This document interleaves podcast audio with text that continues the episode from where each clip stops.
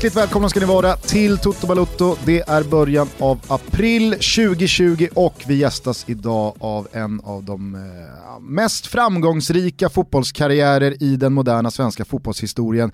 Banne mig någonsin. Anders Limpar, välkommen till Toto Balutto. Tack så mycket grabbar, det är hjärtligt att vara här. Du har ju inte bara en fantastisk karriär, du har ju även lagt dig till med en riktig drömtorso. Eller en riktig drömkropp. Ja, precis. Ja, men jag eh, hade blåst upp lite grann och uppe på 85-86. Är man ändå 72 då är man ganska rund sådär. Så att eh, jag eh, körde den här 16 weeks of hell och det var brutalt men, men eh, jag gick ju ner 13 kilo och hållit, hållit mig där sen dess. Jag är ändå 55 år gammal och du vet eh, graviditeten drar ju allt neråt så det blir tuffare och tuffare att hålla vikten. Får du någon ångest när du ser Anders? Eh, nej, men däremot får jag inspiration. Jag är 40 Anders, eh, ja. så att, eh, och, och vi, vi, har, vi har pratat mycket om min vikt och mitt, eh, eh mi, mi, mitt totala haveri till kropp de senaste åren här. Så att, jag har ju sneglat mot 16 weeks of hell. Ja. Men om man jämför, om man jämför den, de 16 veckorna med en försäsongsträning, så är den tuffaste försäsongsträningen du har haft. Ja, nej det här är faktiskt värre med 16 weeks of hell. Det, det är ganska brutalt för jag är ganska stor i maten. Jag jag led väldigt mycket med att, äta väldigt lite. Men en rekommendation till dig eller till mm. alla är att om man går en powerwalk en timme om dagen och äter mindre, då garanterar att man går ner 10 kilo. Du behöver inte köra en 16 weeks of hell. Det är ju fantastiskt att gå igenom för psyket och allt sånt där. Men eh, äter man mindre och går en powerwalk, då, då, då räcker det. Sen är väl du så som person att du gör väldigt få saker halvdant? Nej, jag du går är, all in. Ja, jag är 100%. Jag älskar att få, få lite vanor igen, liksom, lite rutiner och det här ska du köra, två timmar gym och sen så ska du äta så här. Jag mådde jävligt bra under tiden fast jag ville äta lite mer. Men, men eh, jag mådde bra av det där, få lite rutiner, det tyckte jag. Men du har liksom inte fått blodad tand och har börjat snegla på bodybuilding eller något sånt där? Nej, inga sådana där grejer för fan. Utvig? ja, utvig med, med speedo, det kommer. Nej men det, jag vill inte ha stora muskler sådär utan man vill vara fräsch för liksom man är 55 år och liksom ta äh, ålderdomen sen när den kommer med, med lugn och ro. Va? Åldras bra. Liksom, jag åldras också. bra, mm. precis. Mm. Så jag mår bra nu och kan äh, spela padel, spela hockey och spela fotboll utan att det gör ont någonstans. Det, Golfen då? Golfen, den ska, jag ska gå ner till singelhandikappare i år, det har jag bestämt mig. Jag Vart startar du? 13. 13. 13,8 eh, nästan 14 så att eh, jag ska ner till 9, jag får lite hjälp av några grabbar. Ja, mm. snyggt. Mm. Eh, vi brukar ju vanligtvis eh, låta faktarutan styra och ställa väldigt mycket vad gäller hela samtalet, men när vi nu har Limpar här så känner du och jag Thomas, vi har ju varit lite så inspirerade av Never Forget eh, eh spelarna senaste mm. tiden här och när du och jag pratade om Limpans karriär så kände vi båda att, vad fan, är inte Anders lite så här oförtjänt inte bortglömd men underskattad för ja, det... väldigt många i min generation och mm. av de yngre. Det tycker jag verkligen. Alltså, nu, nu är jag född 1979 och man upplever någon slags här supporter prime där man nördar ner sig väldigt mycket från man är 12 till 20. Alltså, man har idoler, man börjar läsa på, man börjar tycka starkt om spelare och så här.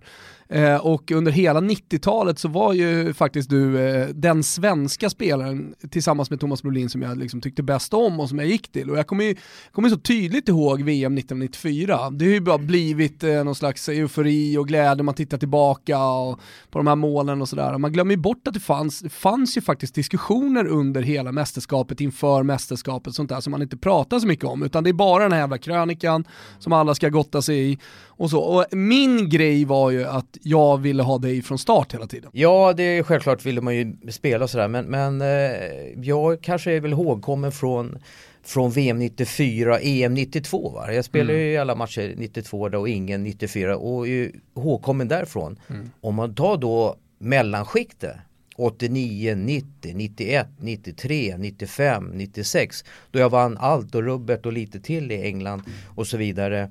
Eh, när jag var i, i eh, i England första året, då skulle de köra en match. Då, då valde de ut de 16 bästa spelarna i England som skulle möta de 16 bästa spelarna i Italien. Mötte vi Maradonas jävla lag där på Napoli-staden och förlorade med 3-1. Men då fick jag i alla fall börja så att man, man var bra på den tiden. Men jag, jag tror att jag är, många ser mig från landslaget 94 och bedömer mig därifrån. Mm. Den bestämmer och det, är det, väldigt och det är det jag ja. menar, det är därför jag, mm. jag tänker annorlunda alltid när man pratar ja. om de tiderna sådär. Mm. Och speciellt med yngre då, mm. som till exempel de i Gustens generation, mm. så, så är det väldigt mycket den här jävla krönikan man går till mm. och man kommer inte ihåg hur det var. Men, men jag satt med mina, jag gillade ju teknisk fotboll och då var det ju väldigt mycket tips extra i Sverige och det hade varit, jag gillade den italienska fotbollen och då ville man ju ha in Anders Limpar i startelvan, man vill inte ha träbenen. Så nej, var det. Nej men det är så här också lite att det var ju eh, Rosberg, eh, Rosqvist hette han som skrev för DN så här, nu gick det Bernt. bra, Bernt Rosqvist, nu gick det bra, nu gick det dåligt och så läste man, det gick inte att se matcherna Nej. på sent 80-tal, tidigt 90-tal i England när, när, man var bra, men när vi ändå pratar om så har jag ändå varit med på en, en 20-lista av världens bästa fotbollsspelare 91. Och det liksom säger det, men det, det är helt bortglömt. Mm. Man, man, var verkligen uppe i smeten i Italien när man mötte Maradona, Gullit, Rijkaard, eh, Klinsmann, Mattias och, och resten. Va? Det, det kanske är bortglömt för om man tittar på VM 94 och kanske EM 92 då. Mm. Ah, och därför där, där... är du i Toto Balutto så nu ska vi ändra på det. Exakt, Nej, men jag, jag skulle bara säga det, den där landslagströjan bestämmer ju väldigt mycket mm. av en spelares eftermäle och, ja, och vad man Otroligt har uträttat mycket. Eh, för generationerna som sen följer.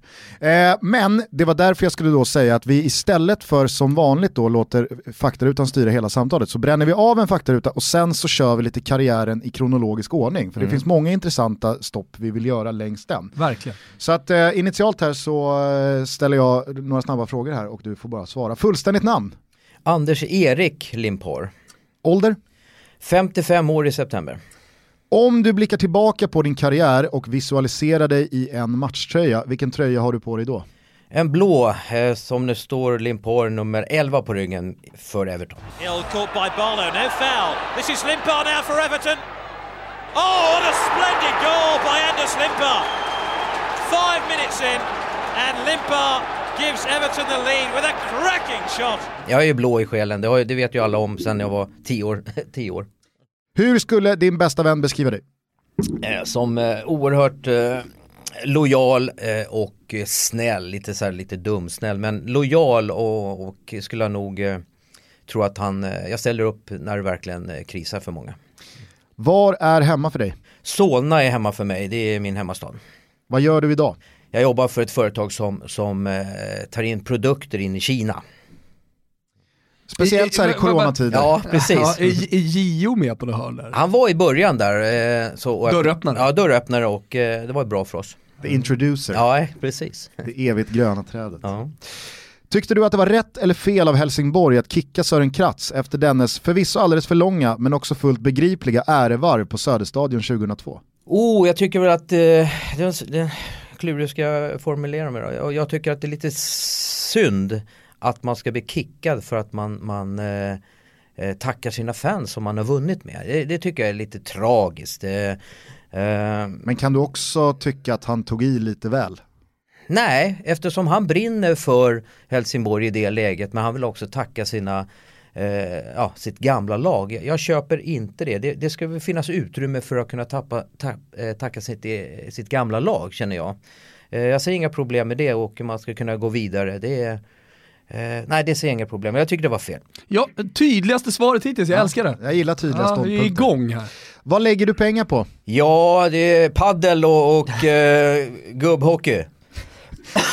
Har du de senaste axelskydden? Och Gubbhockey ja. kan väl inte kosta så jävla mycket pengar? Nej, det, nej, det kostar lite grann medlemsavgifter och sånt där och, och det, vet, det är tejp och hit och dit och det, det, tejp och det är skridskor och, ja, och klubbor som går sönder så det, det, blir, det blir en liten slant. Ja. Du, du är inte kvar i träklubben, du kör komposit? Nej, jag kör komposit, en ruggig slagsmål. Vilka språk behärskar du?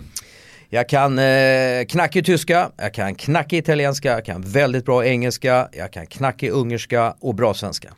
Eh, just det där ungerska, det är ju, alltså, dina, båda dina föräldrar är av ungersk härkomst? Nej, mamma är från Solna och ja. pappa är från, var från Ungern. Ja. Hur mycket Ungern har varit närvarande i ditt liv? Ja, väldigt mycket eftersom jag var i Ungern varje sommar från jag var ett år till 15 år och jag har tio kusiner kvar, eh, farbröder och fastrar och kvar. Och så jag åker ju dit ibland. Nu har ju pappa gått bort tyvärr i augusti så att eh, det kommer kanske bli mindre att åka dit eh, för att man hade någonting att gemensamt åka till. Men vi har ju kontakt så här över sociala medier. Väldigt lik min situation med Österrike, pappa från Österrike Ja, och, okej. och åkte också ner från jag var ett och så vidare. Så Mm. jag tänker, jag tänker Mm. mig att vi båda har ätit mycket gulasch eftersom Ja, det gulasch har är vi. både i Ungern Ja. och Österrike. Och jag satt ju min eh, teknik så att säga eh, som jag alltid haft i, i Ungern. Vi spelade med såna här plastbollar som studsade överallt, såna röda plastbollar på ganska hårda underlag. Så de studsade ju hejvilt va. Och den, den liksom man, fick man ju behandla bra den här bollen. Så att jag lärde mig lite om ungersk teknik och, och fick in fart i den, senare i livet. Då. Föredrar du gulasch eller schnitzel? Ja, gulasch tror jag eh, före schnitzel, det gör jag. Ja. Mm. Det är ju speciellt i den här podden, vi delar Ja. nämligen ut varje avsnitt. Om någon har gjort något Nej, dåligt så, får man, en, så Ja. får man en gulasch. Ja, Och eh, har man gjort något bra så får man en schnitzel. då Ja, men tar jag det- gulasch. Ja, det gör jag också. Jag har ju protesterat mot det här, det var Gustavs påhitt. Men du har ju också varit hos mig och ätit en hjortgulasch Gustav. Gustav. Så Ja, ja, det och, så och, jag, och jag har ätit jättegod gulasch i Ungern. Mm. Jag menar bara, alltså, så fick det bli eh, utifrån den svenska eh, skol, skol, skolgulaschen Ja, precis. och schnitzeln. Men den, liksom- den här lät ju, eh, jag fick jag lite, mm. Ja, det var, det var, Ja, men det är paprikan och mycket lök. Ja. Alltså, så här, pa, importerad paprika från Ungern eh, och Österrike, så edelsys och sen så lite stark paprika på det. Så får man ju hantera den hur, hur stark man vill ha sin paprikan den är och O för en ungrare. Den är jag. Ja. Vilken tv-serie ser du just nu? Eh, Just nu är jag eh, lite gammal, men jag, jag ser Homeland och eh, fick, som alla har sett, men den håller jag på mitt i. En gammal adept till dig var med i avsnittet här om dagen och han kollar också på Homeland, Albin Ekdal. Ja, Okej, ja, jag har fått smak på den lite sent i livet, men den håller jag på med. Vilket eller vilka lag håller du på? Jag är ju jätteblå i själen, Everton, allt de gör och sen eh, älskar jag Barcelona med Messi och, och min, min absolut största, som jag tycker är världens bästa spelare genom tiden, det är Andres Iniesta. Så att jag är Barca through and through. Inte helt olika eh, Anders Limpar i spelstilen. Nej, man väljer ju efter hur man själv ser ut va. Nu har ju inte det skett eh, speciellt ofta, om ens någon gång under min livstid, vad jag kan minnas i alla fall i en tävlingsmatch. Men om Everton och Barca skulle springa in i varandra i en eh, Champions League-kvartsfinal, vilka skulle du hålla på då? Vilken svår fråga. Nej men jag, eh, jag är ju min pappa är, var ju från Ungern och, och på 70-talet så hade de Imre Veradi, en ungrare som var på topp som spelade med Bob Latchford. Och min pappa sa titta på den här killen, han är väldigt bra och liksom gör mycket mål. Så jag, jag vart ju blå 1975 där, runt där 76-77 när de var som bäst. Med Southall allihopa. Eh, så att jag måste säga att, att eh, de vinner med 3-2 på Goodison och spelar 0-0 på Nou Camp. Så kan man säga. Härligt. Annars trodde jag att alla i din ålder som liksom härstammar från Ungern hade öga och hjärta för Real Madrid i och med Puskas. Ja, in med Puskas, precis. Det hade ju varit lättast. Men, men jag, jag valde Imre Varadi, en, en något sämre fotbollsspelare men ändå bra. Eh, när du tänker på Zlatan Ibrahimovic, vad tänker du på då? Jag tänker på att han är så fantastisk fotbollsspelare så att det är nästan löjligt. Jag själv som har spelat hela mitt liv vet hur svårt det är med teknik, med rörelseschema, göra andra bättre. Han har allt. Eh, man kan inte kräva att han ska göra något bra försvarsspel men i mina ögon så han är alltså han är så fantastisk fotbollsspelare tekniskt så att det, det, är, det är löjligt vad bra han är tekniskt. Alltså eh, mottagningar, eh, avslut, skott, eh, blick för spelet där, där han är överlägsen. Där. Har ni träffats mycket genom åren? Jag har träffat honom två gånger, en väldigt lustig historia. Eh, när han spelade i Malmö så kommer jag ska åka till Malmö från Bro- på Bromma flygplats. Och vi ser varandra och han känner igen mig, jag känner igen honom. Vi sitter och pratar kanske en 40 minuter innan, innan avgång. Jag fick jättefin När Eh, var det här ungefär? Ja, vad, när var det då? När han, Jag tänker liksom, när i karriären för Zlatan var det? ja, i- när han spelade hans andra år i Malmö, när är Okej. det? När är det? Ja, det är 2000. Ja, då måste det vara där någon gång då. För det var ju efter när jag var hemma då, eh, från, efter 98. Och sen jag träffade han med Brolin på Råsunda en gång när han hade en fotskada där. Thomas skulle träffa Zlatan och sen är jag med där som ett tredje hjul och, och sen skulle Thomas gå bo- bort och prata med Erik Hamrén. Då står jag själv med Zlatan och pratar om eh, Casano i Milan och hans fotskada. Så att eh, jag träffade honom två gånger. Jag tycker han är en fantastisk människa. Fan nu, eh, nu kommer man ju osökt att tänka på när Anders pratar om Bromma flygplats runt millennieskiftet, blåsningen. Ja, den får vi kanske... Den, Den, den bästa blåsningen som någonsin utförts. Alltså det här Det var finns ju... ju några bra i den italienska motsvarigheten av blåsningen, för där gick de också väldigt långt och hade stora budgetar. För jag tänker att det finns ju ingen blåsning som gjordes i Sverige som hade en större budget än den eh, som An- Anders åkte på. Eh, men men så, som så här, i, i Italien handlade det om, jag kommer ihåg de lurade Totti.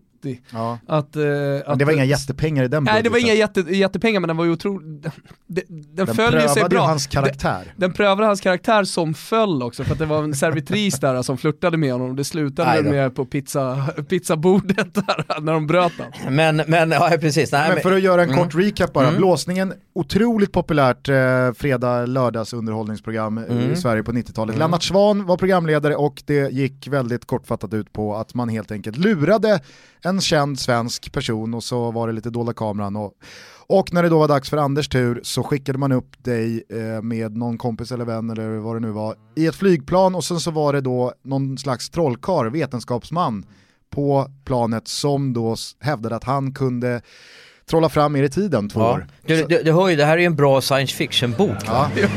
Just nu har vi den rätta latituden. Idag är 1997 09 11. Stämmer det? Vi kunde kanske ta en liten tripp. Säger vi två år framåt i tiden. Passar det? Nej, ni skämtar va? Menar ni det? Varsågod. Nej, då.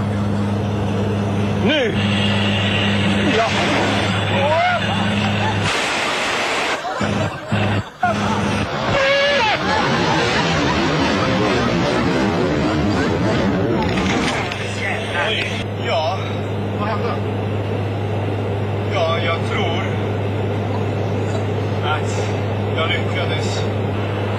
Vadå? Jag ser Ja, men det är ju något konstigt har hänt naturligtvis. Då har vi varit med ett historiskt ögonblick. Är det sant? Vad gör du? Ja, Det sig militärt alltså? Det här också? här också. Oj! Björn, Erik, Kalle, Oskar, Ludvig. Detta är plan rapporterar försvunnen 11 september 97. Det är idag 11 september 1990. Jag har lyckats! Jag har lyckats!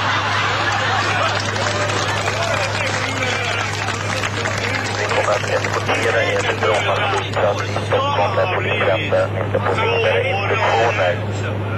Ja, vi har Det här är sjukt. Ja, varför? Här Ja, men vi lever. Ja, men det är fantastiskt! Alltså, nej, när jag har varit utsatt för det här och eh, efter vill man blåsa en person, då gör man det med, med pengar och tv-teknik och allting. Och det som var lite synd för mig tyckte jag att man varit lite dumförklarad. Hur kunde du tro att du ska åka två år framåt i tiden? Men när du väl är i situationen så är det så jäkla bra gjort så att man... Ja, men man jag minns man- flygplanet Ja, skakade till ja. och... Nej, men vi- vi- jasplan och Ja, grejer. vi störtade liksom eh, 50 meter ner och kaffet flög och jasplan upp och så. Det var så jättebra eh, fixat. Så att, Ja. Men sen efteråt, då har man ju chansen att man får ett avtal som man skriver på så får man lite pengar.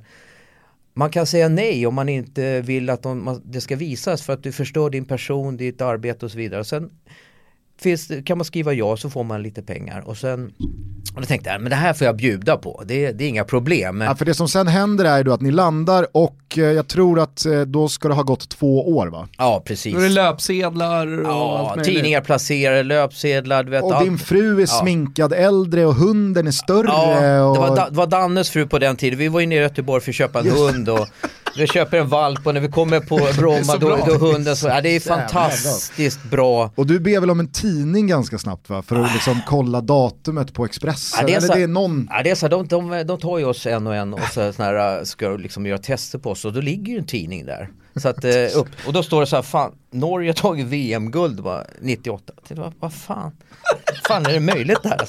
Så det var bra, bra placerat alltihop. Ja, det, är, det är ett otroligt program alltså. Ja, det, Ja, det är det, att det inte finns längre. Ja, det är synd. Eh, Jag fick ju bita i sura äpplet där eh, några Ja, år men det, efteråt. ja, man ska det bjuda det på sig själv, ja. jag tycker det, det, det är fan viktigt i livet. Ja, jag har det- ändå stått naken på en scen inför tusen personer med en gagboll i munnen. Alltså det, det, man, Det, man tar, det slår mig med Ja, hästlängder. Du ser. Ibland får man bara bjuda på sig själv. Ja, Jajamensan, jajamensan. Föredrar du att en fotbollskommentator säger Martin Skertel eller Martin Skrtjal? Nej, Martin Skertel, det är väl det lättaste att säga va? Är du för eller emot pyroteknik? Eh, oj, oj, nu får jag fan äta upp det. Jag är för det. Jag älskar att gå på, på Friends och se AIK dra upp det där. Lite kluven för att det är, eh, alltså själva draget att se AIK, Hammarby, AIK, Djurgården med, med pyroteknik, det, det slår ju det mesta. Men eh, jag får, jag får checka upp det här. Jag, jag, jag säger ja, fast det är förbjudet. Mm. Det, det tycker jag att du gör rätt i. Vem, vilka eller vad hade du på väggen i pojkrummet? Jag hade Pelé först där och sen hade man ju liksom Maradona man såg upp till. Eh, så att, eh, sen har jag alltid haft en förkärlek till, förkärlek till Anders Linderoth. Han hette i AL och han spelade i Öster och landslaget. Han var i samma form som mig. Så att jag har fått träffa min stora idol Anders Linderoth i, i, eh, i livet och eh, tagit bild med honom. Så att det var ett stort ögonblick för mig. Och Eh. även andra stora idoler eftersom du spelar mot eh, Maradona. Har fått spela med, mot Maradona, tack gode gud, och fått byta tröja med han två gånger. Då, då, då var man hyfsat svettig på ryggen. Håller du kvar de tröjorna eller har du skänkt dem eller gett bort dem? Nej, de eh, skänker jag aldrig bort. Eh, De, de har jag kvar. Hade du... Jo men för jag, innan vi gick in i studion här så pratade du om att ja, men du hade 300 tröjor men de är spridda över världen och Alltså att du, du, Ja. du har varit frikostig med en del tröjor men Maradona, den tröjan håller man jävligt hårt i. Ja, den eh, håller man hårt i, i och med att de har ju vunnit två gånger eh, och en gång var ju 89-90 då. Som, eh, jag har ju liksom en, en, en champion, ah, en ligatröja då som Maradona har spelat i.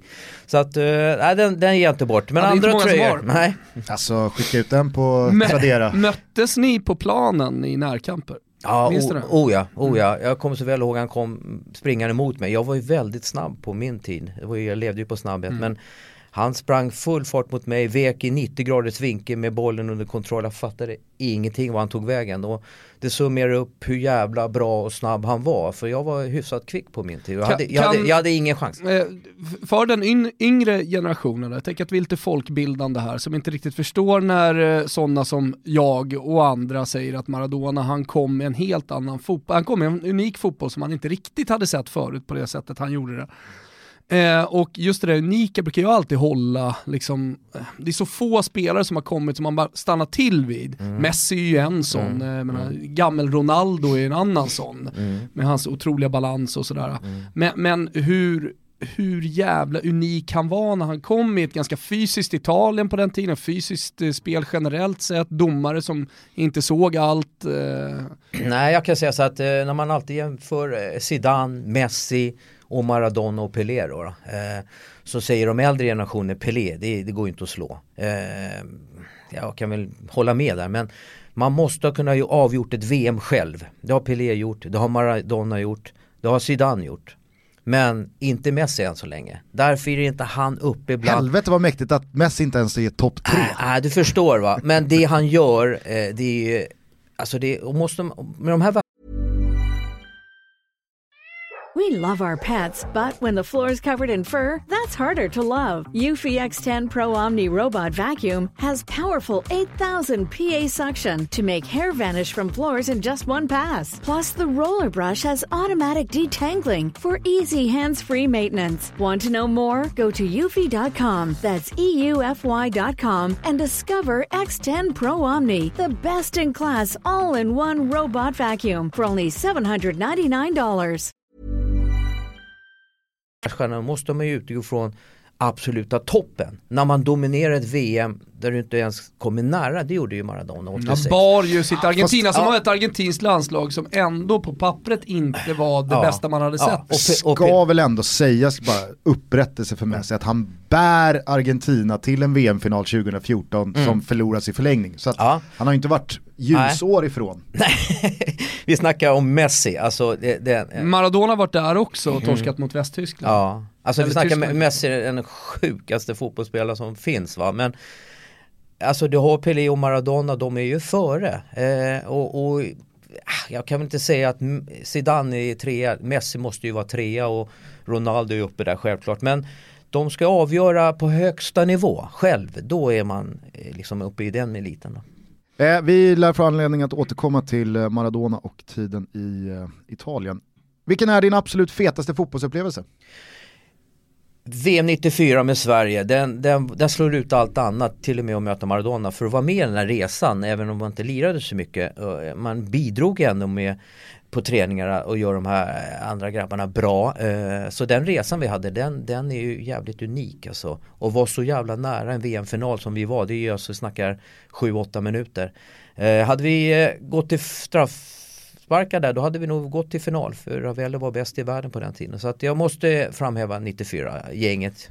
Men du känner ändå inte att det finns någon tagg i en när man sitter vid sidan av? Jo absolut men, men man, jag är ju lagspelare. Det är ju laget som går först fast många tycker att jag är individualist och man utgår från att jag är individualist och så vidare. Så har jag spelat i lag där, där jag har bidragit och, och vunnit som lag. Va? Och vi, vi vann som lag. Man kan inte vinna eh, eller gå så bra som vi gjorde 94 med 11 spelare utan vi var 22 spelare som bidrog till att det var bra träningar, eh, konkurrens och så vidare så att det var svårt för en tränare att tusa. Efteråt, nu vet jag att jag har varit tränare själv, du kan inte spela med 12 man, det kan ingen. Du kan bara spela med 11 och jag fick sitta på bänken, då var jag vansinnig, det måste jag säga, men efteråt så förstår jag det, eh, taktiken. Hur mycket hörs man privat 94-gänget? Ja, lite mindre nu men eh, jag jag har haft bra kontakt med Thomas och Lasse Eriksson då, Thomas Brolin. Eh, man träffar ju grabbarna på landskamper och så vidare. Patrik har flyttat upp till Stockholm, Jocke träffar jag ibland eh, med Hammarby kompisar och så vidare. Så att det, det, man råkar på varandra. Du Brolin och Lasse, nu har ju Klas mycket tragiskt gått bort, men håller ni liv i Moose-klubben? Ja, det är lite sämre nu men vi, vi har ju gjort det genom åren faktiskt. Eh, nu har vi väl haft andra projekt för oss alla, alla tre så att, eh, men, men det lever i allra högsta grad för hans minne. Fan vad fint. Eh, är du för eller emot VAR? Eh, jag är för VAR, det måste jag säga. Vem från fotbollsvärlden hade du helst velat dela en flaska vin med? Wow, uh, äh, men uh, jag skulle nog säga Tony Adams då, då för det hade varit lite vilda diskussioner om vi, han och jag hade delat på en flaska vin, det kan jag lova. Ja, det hade gått, gått fort åt, Ja, känslan. ja det, var, det, det var inte en vi snackade om, det var Nej, flera. börja med. Favoritarena?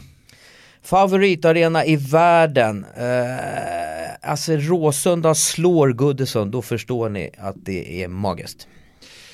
Mäktigaste numret du har i din telefonbok? Oh. Ja, mäktigaste, jag har ju numret till Ingmar Stenmark, det är ju inget jävla dåligt nummer att ha. Så är det. Vi eh, hamnade på samma lokala ICA-butik i eh, vintras Mm. uppe i Härjedalen. Alltså folk, bara stanna. Nej, måste- Stället bara stannade. Ja, man måste ju dra den här parallellen. Vi snackar Messi, vi snackar Michael Jordan, vi snackar Gretzky. Ingen av dem har ju fått, de var ju så jävla överlägsna så att det var brutalt. Men Stenmark, han är den i världen på den här planeten någonsin som har fått en sport att ändra regler för att man är för bra. Man ändrar ju fotbollsreglerna för att Messi eller Michael Jordan. Så att det är, det är det sjukaste man har hört att de ändrade reglerna för att han var för bra.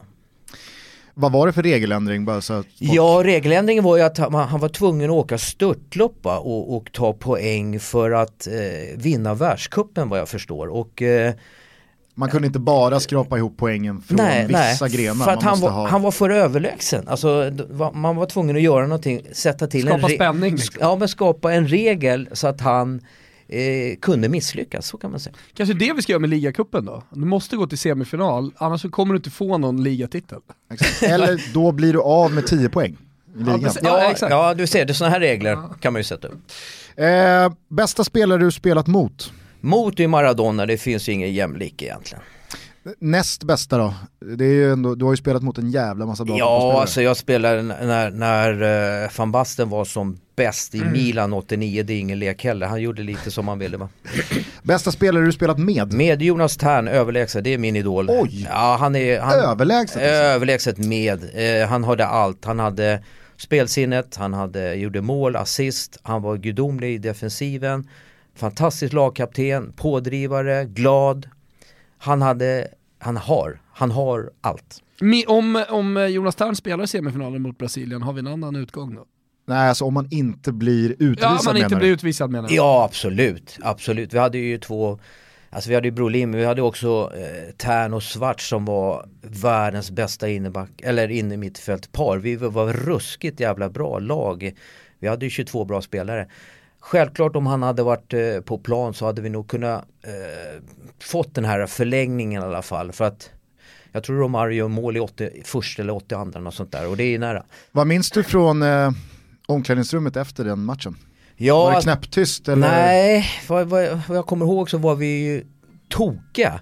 Och eh, det som eh, slår mig det, det är att Brolin han sa för fan grabbar det här Fan alltså, nu är det bara brons som gäller. Vi ska fan med ta det här jävla bronset. Vi Direkt efter liksom. direkt, alltså i omklädningsrummet så var det ju van, Vi var vansinniga, vi, vi visste att vi hade gjort en bra match men då sa vi att vi bestämde liksom efter matchen, vi ska ta det här jävla bronsen. Jonas då, var, var han liksom, alltså bad han om ursäkt för röda Jag kortet eller var alla, det är rött kort. var alla överens om att det var ett hårt rött kort? Eller vad? Nej jag kommer faktiskt inte ihåg att han bad om ursäkt för det var väl egentligen att be om ursäkt för. Eh, nej det tror inte Gick jag. in lite tufft med benet. Ja men det gjorde väl alla. Ja, Fan, eh. ja, ja det, det, Nej jag kommer inte ihåg att han gjorde det. Jag menar bara att alltså, ta rött kort i en duell på mittplan vid ställning 0-0 i en VM-semifinal. Jobba, jobba, jobba. Ordentlig lufttur. Gult kort, rött kort. Det var hårt dömt. Det var fruktansvärt hårt dömt tycker jag. I en semifinal i VM. Hade ju inte varit orimligt om man sträcker upp handen i omklädningsrummet efteråt. Ledsen Men det gubbar. var ju inget rött kort. Nej, det är det, kan, det som är det, det var min fråga. Som, Så Zidane 2006, det är ju någonting att be om Ja. ursäkt för. Men vi måste nog fråga andra, jag kommer inte ihåg om han, han kanske gjorde det utan att jag kommer ihåg. Så att eh, då är det väl i sin ordning då. från klubblagskarriären då? Bästa spelare du spelat med? Eh, klubblaget, där måste jag säga, med det är Ian Wright, han var ju en målmaskin eh, som hette duga. Eh, vi stod alltid en 20 minuter efter varje träning, jag slog inlägg och spelade till honom så han eh, kunde göra mål eh, på träningen. Det var jag, Simon och Ian Wright som alltid stod och nötte och nötte och nötte och nötte och det visade sig vara bra för vi gjorde väldigt mycket, jag gjorde väldigt mycket assist till Ian på, eh, på matcher. Så att eh, träning ger färdighet. Om du inte får svara Messi eller Cristiano Ronaldo, vem tycker du är världens bästa fotbollsspelare idag? Oh, eh, Känns det inte som en svårare Ja. än länge, på länge?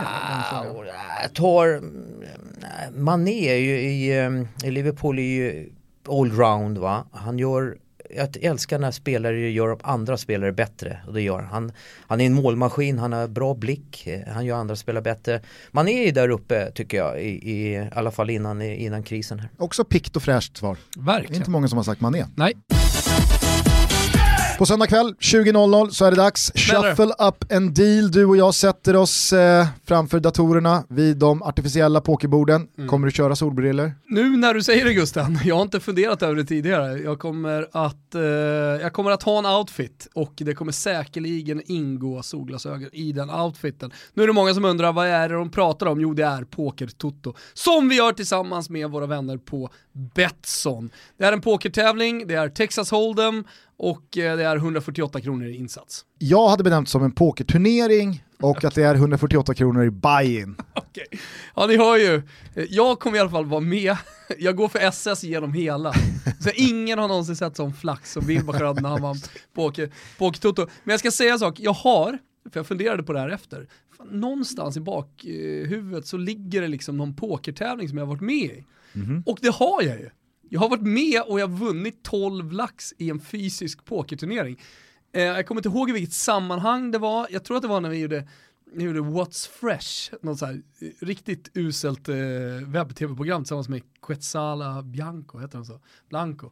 Eh, och då var det någon slags pokerturnering som man skulle vara med i, där var Sia Wush med bland annat. Ah, ja. eh. Och jag, jag gled in och vann 12 lax eh, att pytsa in, att få då på mitt konto. Säg att det var Betsson, men jag utnyttjade det aldrig. Så någonstans har jag 12 lax liggande på något pokerkonto. Betsson, hitta dem. Hörni, vill man vara med i den här pokerturneringen, och det vill man ju på söndag kväll så jag tycker jag försvara. att man med fördel följer oss via våra sociala medier så kommer det länkar och inbjudningar och sådär för alla som är över 18 år och vill vara med. Och upplever man att man har lite problem med spel eller kanske någon eh, när eller kär som har det så finns stödlinjen.se öppen för alla dygnet runt. Så är det. Vi säger i alla fall stort tack till Betsson för att ni är med och möjliggör inte bara Toto Balotto utan nu också även Poker-Toto. Så ses vi på söndag. Vi ses på söndag Gusten. Många som lyssnar på det här nåddes i tisdags av eh, tråkig information om den turné som var planerad till i maj här nu om en och en halv månad.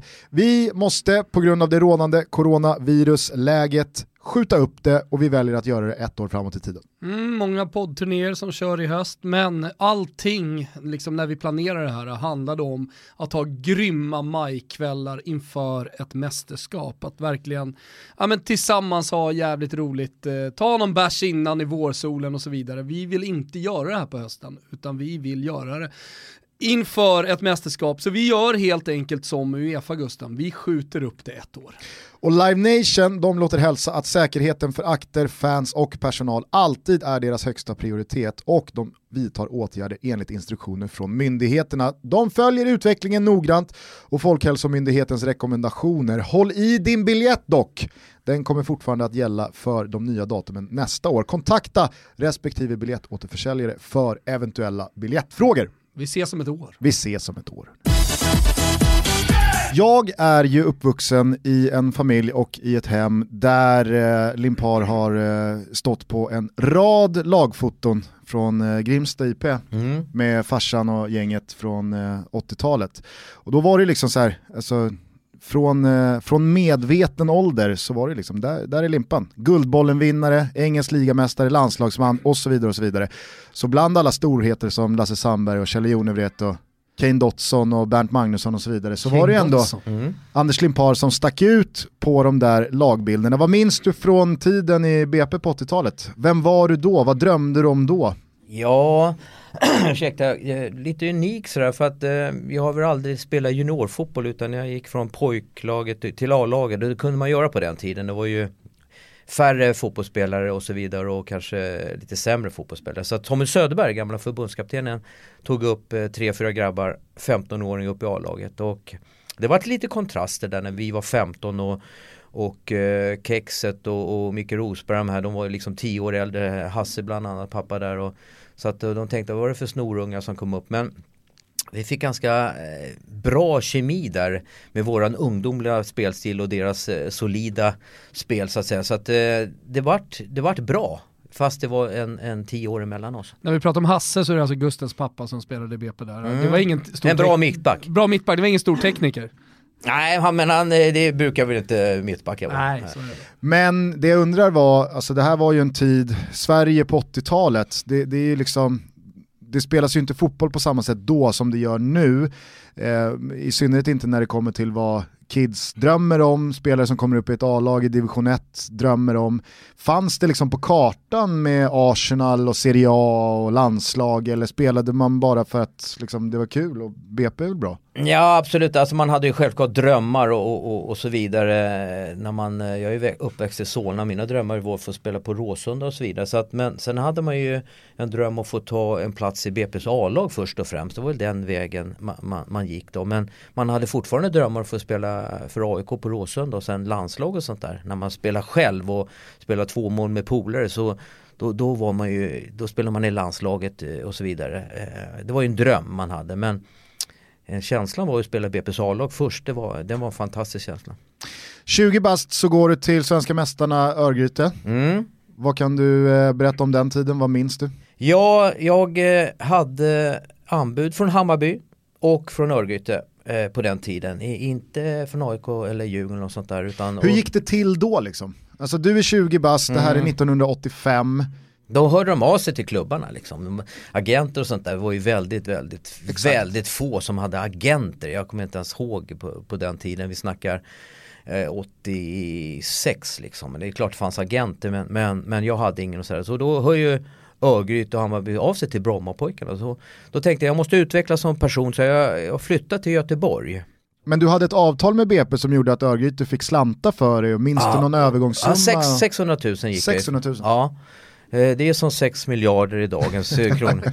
Nej men 600 000 var väldigt, väldigt Fan, mycket, mycket pengar ja, mycket pengar på den tiden eh, faktiskt och eh, det levde ju BP på, på många år men eh, det var 600 000 1986 då. För jag kommer ihåg liksom, alltså, när, när farsan lämnade BP efter många, många år och gick till Enebyberg en sista säsong, då var liksom gaget var en tvättmaskin. Mm. Alltså det är så här, Icke att frakta. en säsong i Enebyberg, vad fick du för det?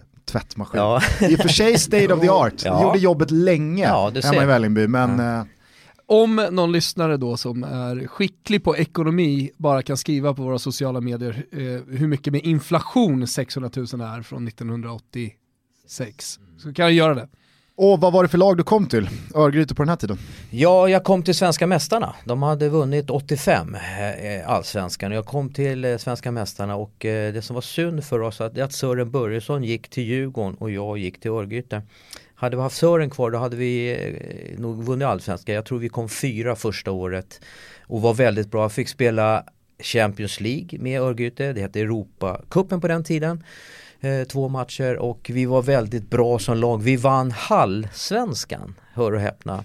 När man hade allsvenskan inomhus på den Fina tiden. halvsvenska. Halvsvenskan, vilken merit! Som den svenska fotbollen har kämpat Ja. med vintermånaderna med Royal League Ja, och, och det, och, det, och det är en titel i och för sig. Så att jag vann eh, mot 2-0 mot Göteborg i, Men i, var i det halvsvenskan. five-a-side-regler? Nej, el, 11 man Ja, alltså. ja, ja. Riktig, riktig fotboll inomhus. En hel allsvensk eh, serie en kupp, i cup, cupformat. Och vi vann eh, halvsvenskan 80, 88 tror jag. Någonstans. Mm. Vilka framträdande spelare var du samtida med i Örgryte? Jo, vi hade bra. Vi hade eh, Janne Hellström, målgöraren. Poletten Larsson. Sven Andersson, mål. Ja, Poletten Larsson. Poletten Larsson. Poletten Larsson i världsklass. Ja. Sven Andersson i mål. Vi hade Hasse Prytz, vi hade eh, eh, Gidebratt, vi hade eh, Holmén. Vi hade, vi hade bra, vi hade bra lag alltså. Så det var, det var nästan till ett misslyckande att ni inte vann SM-guld? Ja, i och med att de vann året innan och var jäkligt bra. Jag tror inte jag fyllde eh, Sören Börjessons lucka riktigt ordentligt. Eh, Varför gick han till Djurgården? Alltså varför lämnade han svenska mästarna? Kanske Stockholm? jag vet faktiskt inte den storyn, men han, det var synd att han lämnade Örgryte på den tiden. Svikare. Så är det alltså. eh, sen då, började du känna att du liksom var klar med svensk fotboll eller eh, varför, eh, varför blev det Young Boys och Schweiz? Ja, men jag hade spelat två och ett halvt år i eh, Allsvenskan eh, och eh, spelade stadigt i U21-landslaget och så på den tiden. Eh, jag debuterade i A-landslaget eh, 87 under Örgryte-tiden och hade mycket kött på benen och eh, eh, gjorde bra ifrån mig i Europacupen. Eh, där, så då var det ju scouter ute och eh, då var det Tord Grip självklart som, som jag hade som tränare i Young Boys som ville att jag skulle komma dit. Eh, han har ju full inblick i, i min karriär så att säga. Är det är en sån övergång, är det, mycket, är det mycket pengar för dig då? Inte i förhållande, men för dig Ah, då? det, var, det var det faktiskt, det var ju miljonbelopp eh, och det var ju mycket mycket pengar på, på den tiden. Eh, Levde du på fotbollen i Örgryte? Eller Ja. hade man eh, sidojobb? Nej, jag levde på fotbollen och det var ju, ja, det var ju knapert så att säga, men, men man levde man, man tränade ju som ett proffs så att säga. Men då vart det ett, det vart ett rejält lyft ekonomiskt när man Ja gick det, till det, Young Boys. ja det kan man säga. Det, man hade, inga, hade ju inga miljonbelopp i Örgryte så att det, det var ju några miljoner man fick i, i, i Young Boys. Och, och spela i, i schweiziska ligan på den tiden, det var ju världsklass för det var ju mitt i Europa va. Italien, italienarna kollade på en, fransmännen, tyskarna och så vidare. Så att det var ett bra land att Och spela. Young Boys som du kom till, Ja. vad var det för lag? Ja det var ett bra lag. Vi eh, kom ju till, eh, jag ska säga, vi, vi spelade väl någon cupfinal, förlorade, vi kom trea i ligan. Så vi var väldigt nära där också och vi, vi var ju tre, fyra landslagsmän där. Eh, Dario Sufi bland annat och Henneman eh, som spelar i schweiziska landslag. Vi, vi var duktiga. Helvete var bortglömd Tord Grips individuella tränarkarriärer. Ja. Alltså han är ju bara Svennis Ja. assisterande Ja. högra hand. Och det är så jävla tragiskt för han var en, en av de bästa vi haft. Och det är han som har gjort eh, landslaget och Tommy Svensson bra också. För det var ju hans eh, idéer tillsammans med Tommy som gjorde oss bra. Eh, det är ju Mr Fotboll i, i mina ögon och han lärde mig mycket i Young Boys och vi gick bra där. Var det han som liksom handplockade dig dit eller följde sig bara som en slump att han var där och du kom dit? Eller? Nej, han, han handplockade mig. Björn Nilsson och Roger Ljung spelade ju med. Vi var tre svenskar där som gick bra.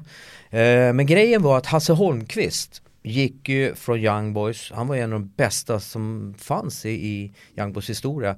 Och då hade de lite som ultimatum, du måste ta hit en svensk om vi ska släppa dig till Verona.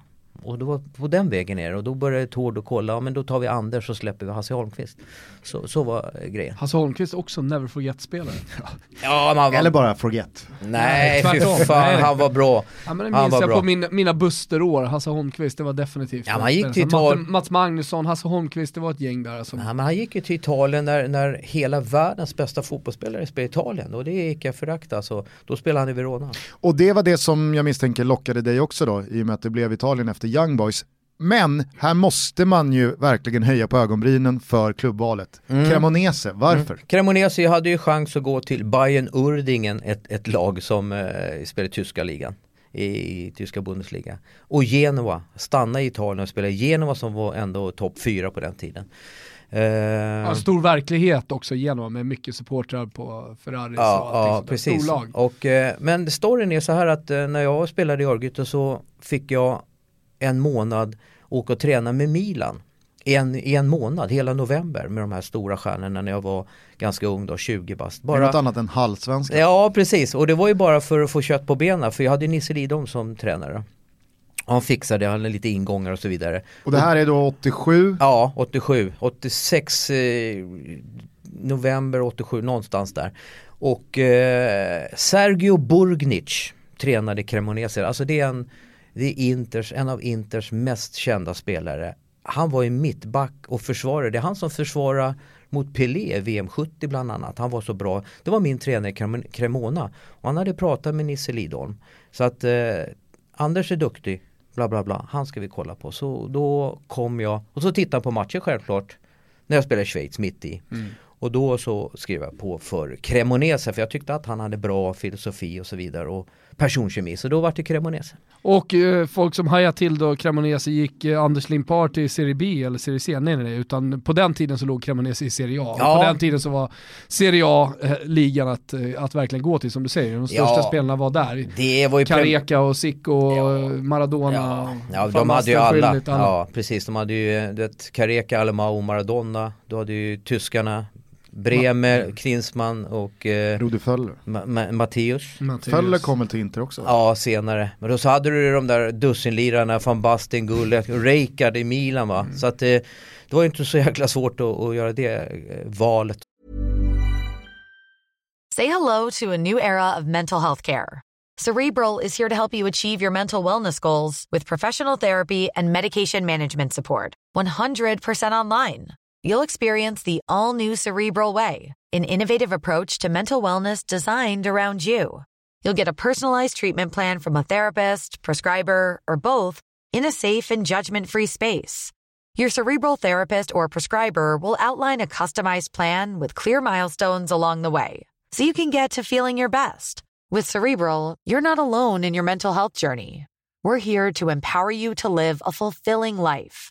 So take that first step towards a brighter future and sign up today at cerebral.com slash podcast and use code ACasts to get 15% off your first month. Offer only valid on monthly plans. Other exclusions may apply. Offer ends July 31st, 2024. See site for details. As a person with a very deep voice, I'm hired all the time for advertising campaigns. But a deep voice doesn't sell B2B, and advertising on the wrong platform doesn't sell B2B either. That's why if you're a B2B marketer, you should use LinkedIn ads. LinkedIn has the targeting capabilities to help you reach the world's largest professional audience. That's right, over 70 million decision makers all in one place. All the big wigs, then medium wigs, also small wigs who are on the path to becoming big wigs. Okay, that's enough about wigs. LinkedIn ads allows you to focus on getting your B2B message to the right people. So, does that mean you should use ads on LinkedIn instead of hiring me, the man with the deepest voice in the world? Yes. Yes, it does. Get started today and see why LinkedIn is the place to be to be. We'll even give you a $100 credit on your next campaign. Go to linkedin.com slash results to claim your credit. That's linkedin.com slash results. Terms and conditions apply. Så att säga och få spela i världens bästa liga på den. Under den tiden, vet du vilken spelare som kom fram i Fiorentina då när, när Anders var där? Som, Det är Baggio va? Ja. Mm. Han mötte vi också va? Så att eh, de hade ju hyfsade lirare. Var det ett eh, snäpp upp även ekonomiskt? Ja det var, Schweiz? det var det, var dubbelt så bra. Eh, och där var ju liksom... eh, Får man ju... fråga vad dubbelt så bra är? Ja det, det, det får du det är göra. 30 år sedan. Ja det får du göra men eh, du får inget svar. Det var bra många miljoner men... Eh, det Per var ju, säsong? det, ja det var ju nettopengar. Alltså man, man, bra många miljoner netto per säsong. ja. Helvete, det är mycket stålar. Ja på den tiden var det, vi snackade 89 så det, var ju, det var ju angenämt att få spela fotboll och tjäna lite pengar. Eh, klarade du av eh, det ekonomiska uppsvänget bra eller steg det åt huvudet? Och du Nej. började impulsköpa sportbilar Ja, och... precis, nej jag har ju nog alltid haft hälarna fast i, i, marken, det, det är nog inga problem med det. Men eh, det var nog lite, man tittar inte på pengar utan man tittar på att få möta Maradona och all, liksom Alemao och de här eh, Milan som hade sitt drömlag och få spela mot dem. Men om vi bara stannar Mm. lite i Cremona, eh, vad hade ni för lirare i laget och hur, hur var staden? Är det Alltså- du kan rekommendera för folk? Kanske en pärla som, som folk inte har fått upp ögonen för? Jag kan säga så här, åk inte dit idag för det ligger i Lombardiet och de har lite tufft där. Eh, med coronaviruset tyvärr. Men, men jag spelade med Abel Desotti. Som spelade VM-final 1990 med Maradona på topp. Det var våran center. Vi hade Paraguays bästa målgörare, Gustavo Neffa. Och så var jag, vi hade ju tre utlänningar, vi fick ju bara tre utlänningar. Så jag spelade med tre, två riktigt bra fotbollsspelare i, i Cremonese och bra fotbollsspelare sådär. Men, så att, eh, de- mittengäng eller? Ja, det var, det var, vi, vi var ett bottengäng egentligen. Vi, vi slog Milan hemma och vi spelade oavgjort mot Napoli. Nu förlorade vi mot bottenlagen så att... eh, Men de, de segrarna Mm. för ett lag som Cremonese, att vinna över Milan hemma, det är ju det är sånt som de lever på i Cremona än idag. Ja, i och med att det är AIK-Djurgården, det är derby, det är ju tre mil emellan bara, det är som eh, Stockholm-Södertälje. Eh, så det, vi hade ju derbys mot Milan och Inter, det var ju våra stora matcher. Och eh, ja, vi spelade jämnt mot dem, för då koncentrerade vi oss och så torskade vi mot, mot de här dussinlirare, liksom Pisa och Verona och Lecce och de här. Du sa ju där att i, under den här tiden eh, strax efter så var du med på listan över de 20 bästa spelarna i, i världen. ja. Kände du under den här säsongen när man mötte alla de här världsstjärnorna att jag är så här bra, jag matchar de här? Ja, man, man kände alltså Ja, en av mina finaste utmärkelser som jag har fått, jag, kom, jag har varit ju tredje bästa utlänningen av alla de här. Eh, Maradona, Matteus och så kom jag som tre, på tredje plats. Den, den har man ju som eh, den största meriten som jag någonsin har fått, fått liksom, eh, med de här världsstjärnorna. Så att man går väl inte och tänker på att man är lika bra som dem, för det är man inte. Men, men eh, det gick bra som tusan för mig individuellt, så att eh, man fick den här utmärkelsen. Och Då det- blir det ju väldigt intressant att höra liksom, valet efter Cremonese. Var det ett ettårsavtal eller bröts ett längre avtal när du lämnade? Nej, alltså det hade tre år men eh, Mm. varför jag lämnade där egentligen det är för att man hade försäljning till engelska ligan. Det var ju eh, ett lag som kom in. Det var väl om jag skulle stanna kvar i Cremonese eller gå till Arsenal. Eh, Arsenal var ju inte ens i närheten av eh, italienska topplagen och så vidare. Men eh, man har haft en förkärlek för eh, engelsk fotboll som man är uppväxt med. Så att det var lätt val för mig att skriva fyra år med Arsenal. Men ni höll er kvar med Cremonese?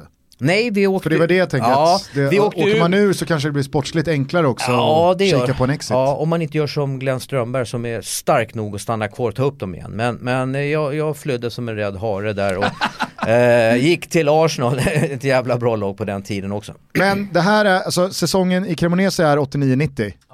Eh, VM där innan du går till Arsenal, Ja, hur minns du det? För att för många är ju VM 90 bara ett telefonnummer 121 Ja, och sen så är det 121. Medford och så är det inget mer. nej jag kan säga så här att vi var minst lika bra som VM 94. Vi hade gammalt som ungt, som spelfördelare allting.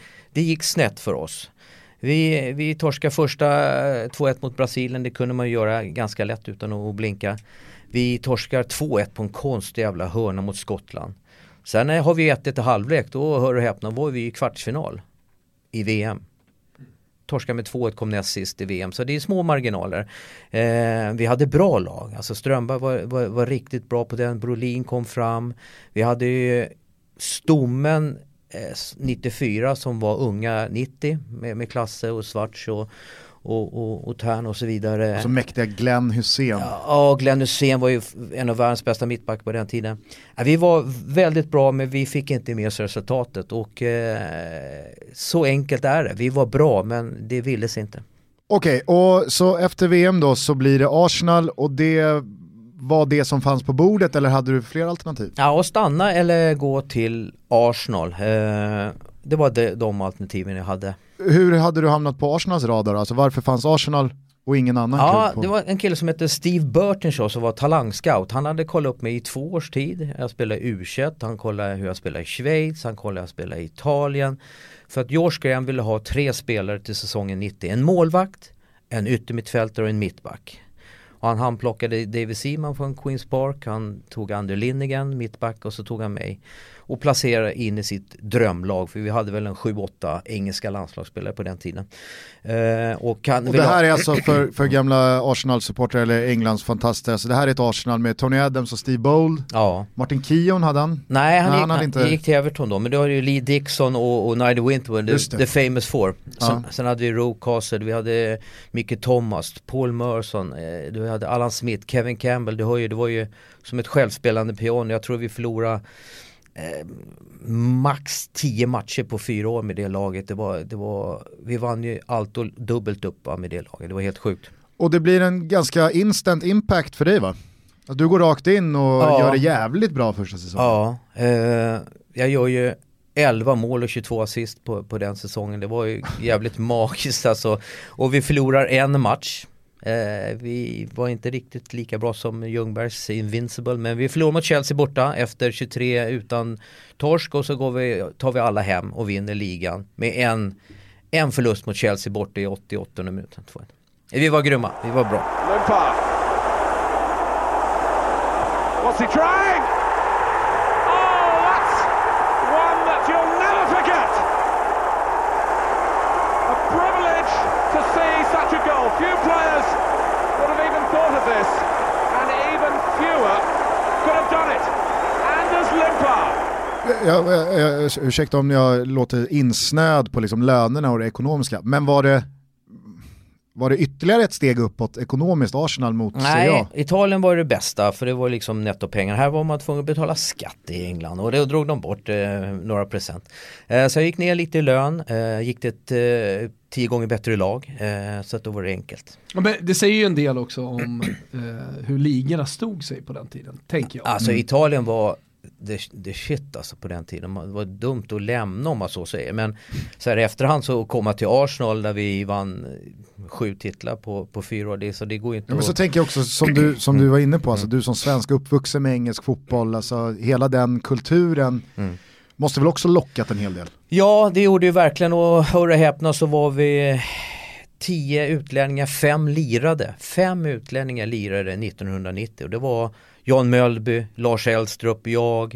Eh, vi- det var fem stycken, fattar ni? Det, det, det är ganska sjukt egentligen. Och då hade Stefan Rehn varit i Everton året innan. Så vi Mm. var ju lite pionjärer där för, för utlänningar. Eh, Men du är högst delaktig i Arsenals ligatitel 90-91, du vinner Guldbollen 91. Är det här du står på toppen av din karriär skulle du säga så här i retrospekt? Ja, så säsongen eh, 89-90 i Italien då var, då var det fantastiskt bra fotboll och eh, jag tog med mig det in i 90-91, vann Guldbollen där och vann ligan. Eh, då, då gick allt som det skulle tänkte jag säga. Nej, då gick det allt av, det var själv, själv det, var, bara, det bara gick. Man hur, tänkte många, hur många svenskar har vi som har vunnit Premier League?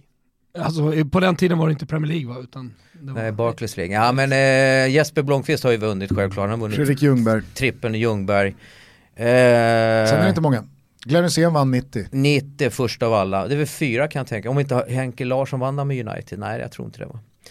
Eh, fyra då. Om vi kanske har missat någon. Fyra. Mm. Sen börjar skadorna, eller hur upplever du eh, tiden efter första säsongen i Arsenal? Eh, ja, jag var inte skadad eh, 90, jo två ankelskador 92, sen 93, 94. Jag hade en, en svår ankelskada i Arsenal 92 som jag missade eh, tre månader.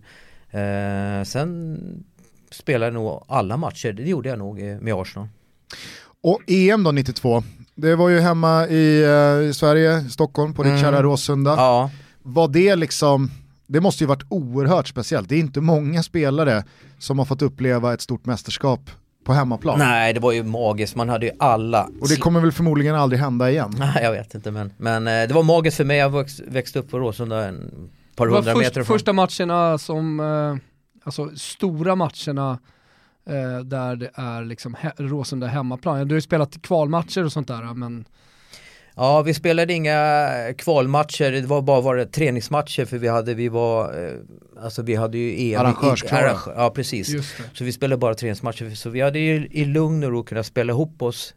För att efter, måste säga, efter VM 90, då tog de bort de äldre spelarna. Mm. Tyvärr egentligen med, med Hussein, Peter Larsson och Glenn Strömberg och Hasse Holmqvist. Alla de där försvann, Robert Prytza, de försvann och då fasade vi in med som är lite bra för svensk fotboll egentligen. Svarts kom in, Jonas Tern kom in, eh, Jesper Blomqvist, Kenneth Andersson, Martin Dahlin, Thomas Brolin, det, hör, det, är, det är legendarer i svenska fotboll. Så Men- vi, tog- vi tog in det i, i EM 92 där. De stora skillnaderna på 92-laget och 94-laget var väl egentligen inte speciellt många förutom typ Jan Eriksson. Nej, det är samma lag. Ja. Det, det, det är samma lag från resterna, eh, eller unga killar från 90. Så, och från 90 till 95 så kan jag fan inte komma ihåg hur många matcher vi förlorade. Det var inte många. Vi tog brons i EM 92, brons i VM 94 och är så jäkla nära att gå till VM-final. Eh, det tog oss ända in i 95, 96 där nästan när vi missade kvalet till England. Va? Men det lag vi hade från 90 till 96, det, det ja för fan, det var, det var självspelande piano. Den där semin då, 92, mot eh, Tyskarna. tyskarna. Ja, jag satt på bänken där. Svider den och kommer in. Nej, jag kan säga att vi hade ingen chans. Vi hade ingen, de var för bra med Hässler och, och grabbarna. De ledde ju... ruskigt Tyskland. Ja, de ledde med 3 jag tror, jag vet inte, var det Kenneth som kvitterade 3-2? Vi hade ingen chans där. Det, siffrorna är missvisande, det kunde ha blivit mycket större siffror. Så det var surare mot Brasilien två år senare. Det kan man lugnt säga, då hade vi ju chans och då var vi lika bra som Brasilien men mot Tyskland hade vi ingen chans. Men så här års då, alltså här är du 27, eh, du spelar i Arsenal, du har vunnit Guldbollen året innan. Hierarkiskt, var du liksom, var du högst upp? Var någonstans? I, Nej, alltså I landslaget, i svenska fotbollen, var du bland de tydligast, tydligast lysande stjärnorna?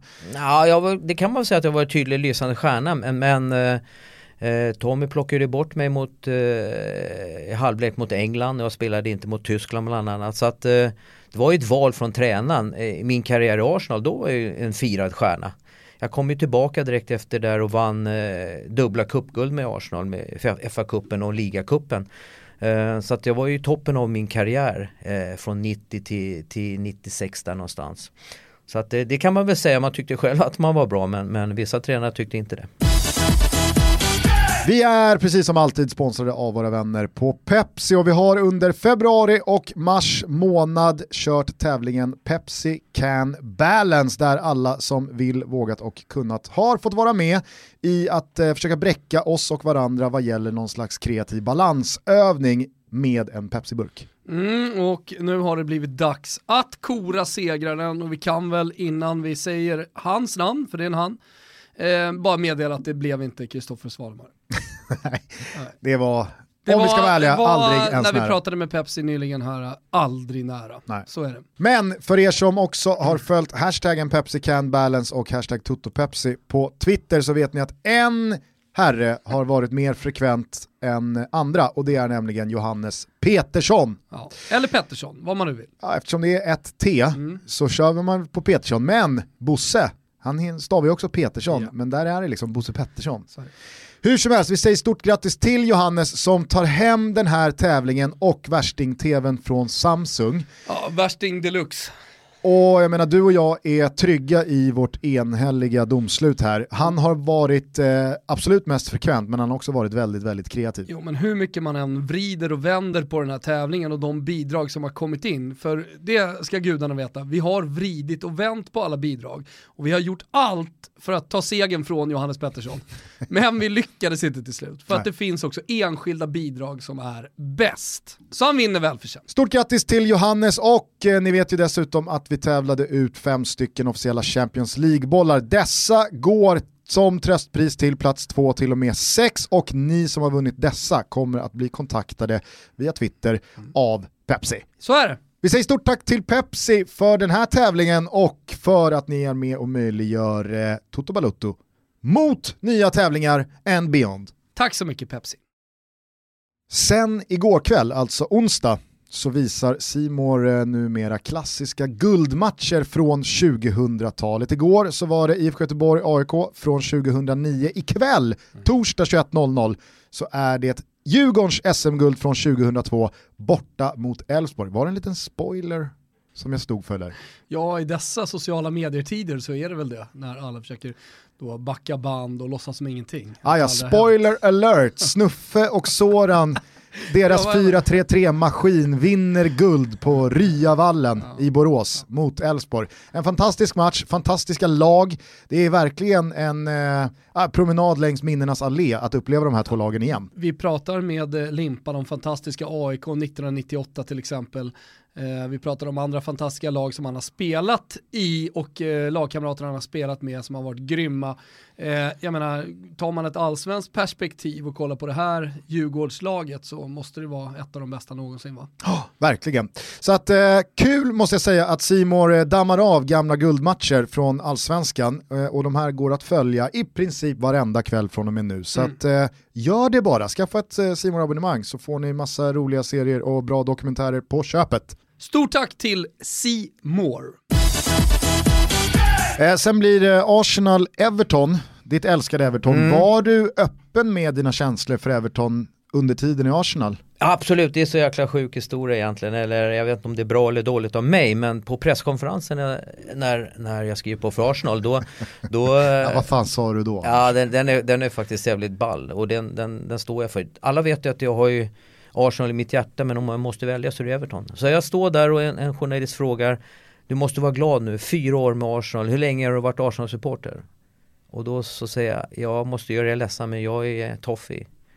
Jag, är, jag har varit det sedan jag var tio och hela jävla lokalen stannar ju upp tänkte vad fan säger han för någonting? Jag står med röd tröja där och säger att jag är Everton-fan. Eh, det var väl sådär. Men eh, fyra år senare så, så, så, skriver jag ju på för Everton och står med en Everton-tröja. Då är det samma journalist som som frågar du, du är glad nu? Ja, det kan du lova. För då visste de att jag var Everton-fan. Var, att, var, det mm. en, eh, var det en bra skilsmässa med Arsenal eller?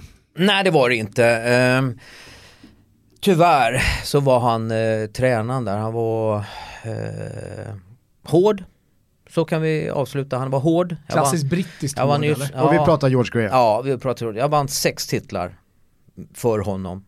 Och eh, han sa, jag liksom sträckte fram handen eh, när vi sitter på kontor och frågade om jag fick eh, skriva ett nytt fyra år. Nej, det hade vi inte utrymme för. Eh, ja men tack så mycket då. Då tog han inte ens med i handen och, och liksom önskade mig lycka till. Och då hade jag vunnit sex titlar för honom.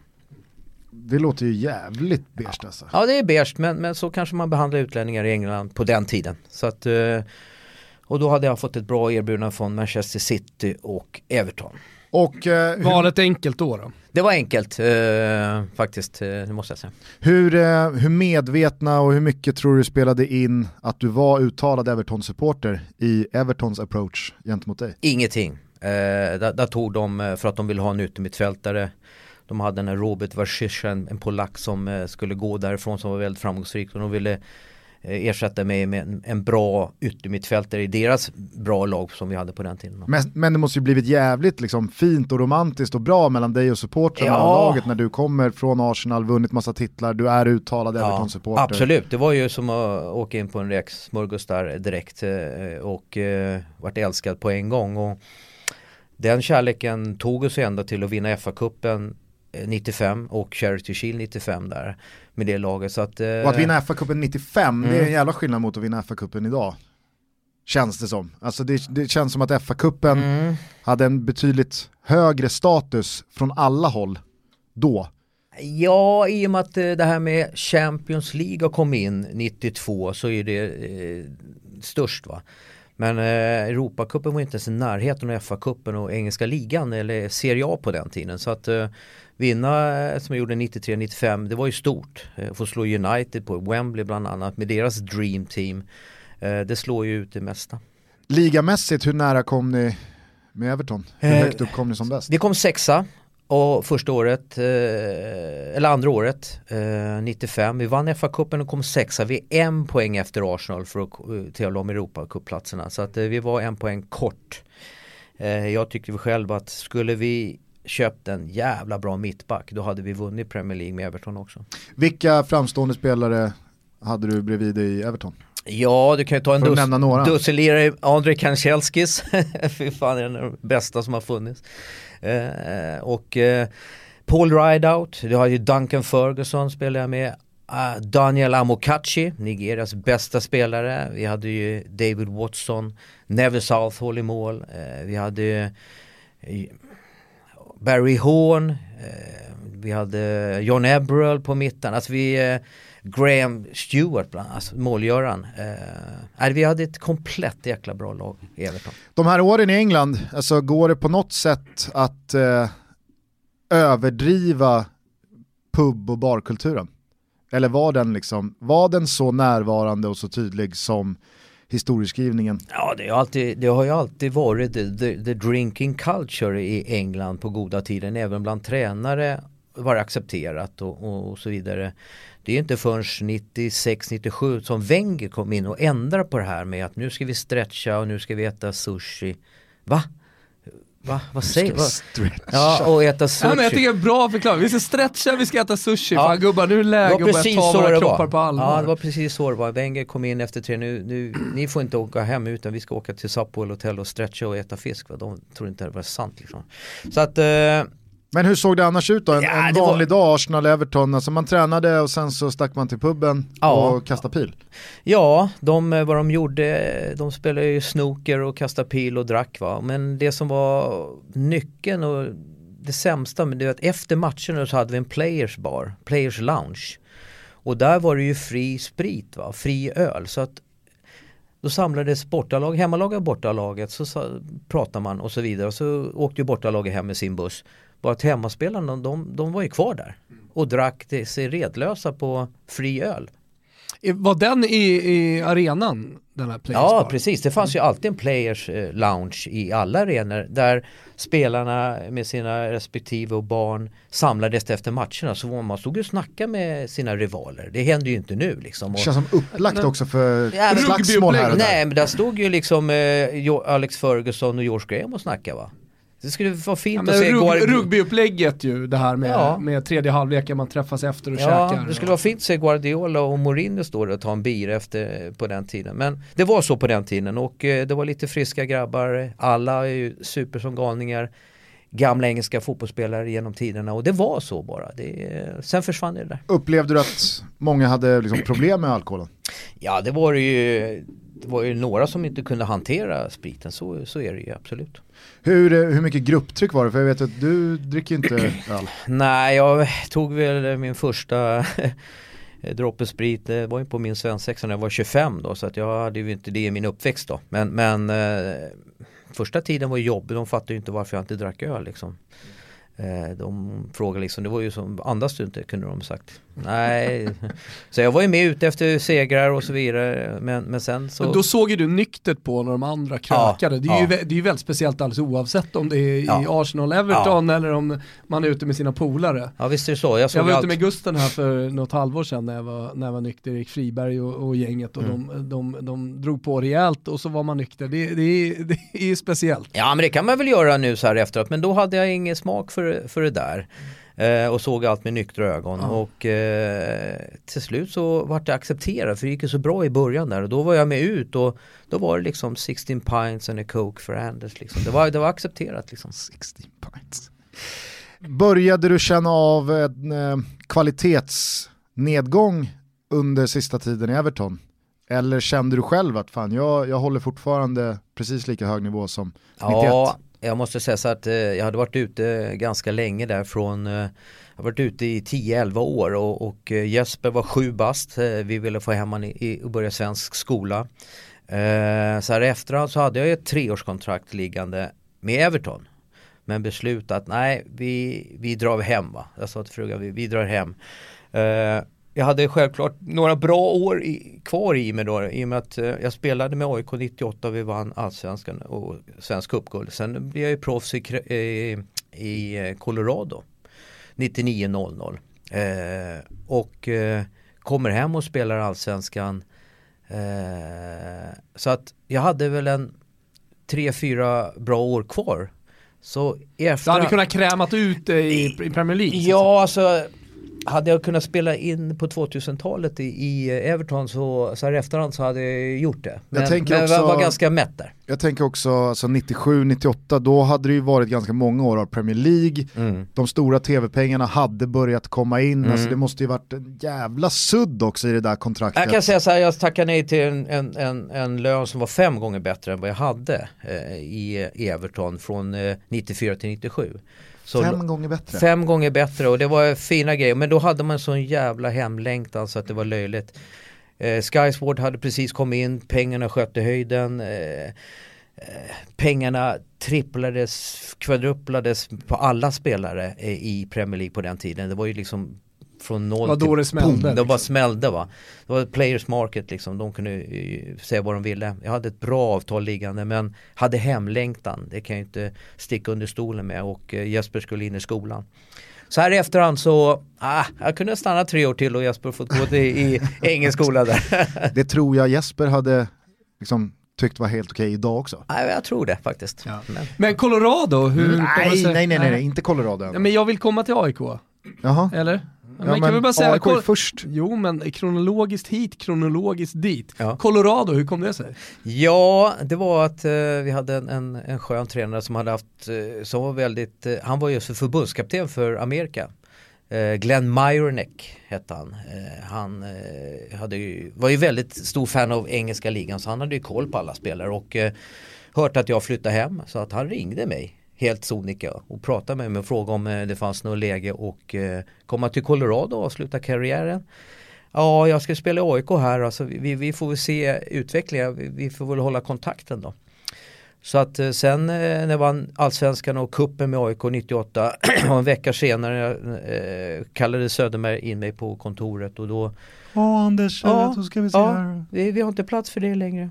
Så att... Eh, Alltså det var AIKs beslut, Ja, eh, AIKs beslut. också som låg till grund för att... Ja absolut, jag fick inget avtal, nytt avtal med, med AIK. De tyckte jag var för gammal. Jag var ju fan 38 år, nå- någonting där, va? något sånt där. Ja.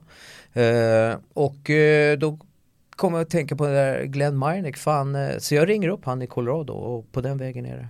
Men om vi då bara backar bandet, eh, jag vet inte riktigt varför du skulle så snabbt till Colorado där. Men Jo, när, för, eh, för, för att han berättade ju precis varför han gick till Colorado. Och då är det ju bra att gå tillbaka till AIK. när du då ska flytta hem från England Mm. och eh, Everton, Mm. var det bara AIK som gällde då? Var det hjärtat som bestämde att du ville spela på Råsunda och flytta hem till Solna eller fanns det andra alternativ? Nej, det var, det var ju AIK som gällde. Eh, Jag ville tillbaka och avsluta min karriär i AIK.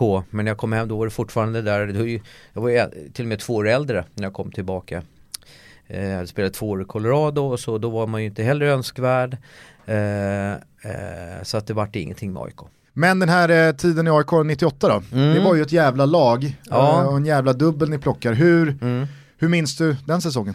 Ja, jag minns Stuart att... Baxter och Mjällby och grabbarna. Stuart Baxter är ju, jag måste ändå framhålla om, så det är en av de bästa tränare jag haft. I, i, jag älskade hans engelska hårda, jag kom precis från en engelsk hård kultur där man, där, när man ställde upp för varandra och körde 100% och Sen vad jag kommer ihåg att Johan Mjällby täckte 60 meter själv på mittfältet, hur man kan göra det, det var ju helt magiskt. Vi hade Krill Lundin i en hög form, vi hade Thomas Lagerlöf, vi hade ju Ola Andersson. Ja, vi hade, ja, Ola Andersson, vi hade ju Sveriges bästa målvakt i Asper. Mm. Vi hade den bästa backlinjen, Mikael Brundin, eh, Tobbe Gustafsson, Antonelius.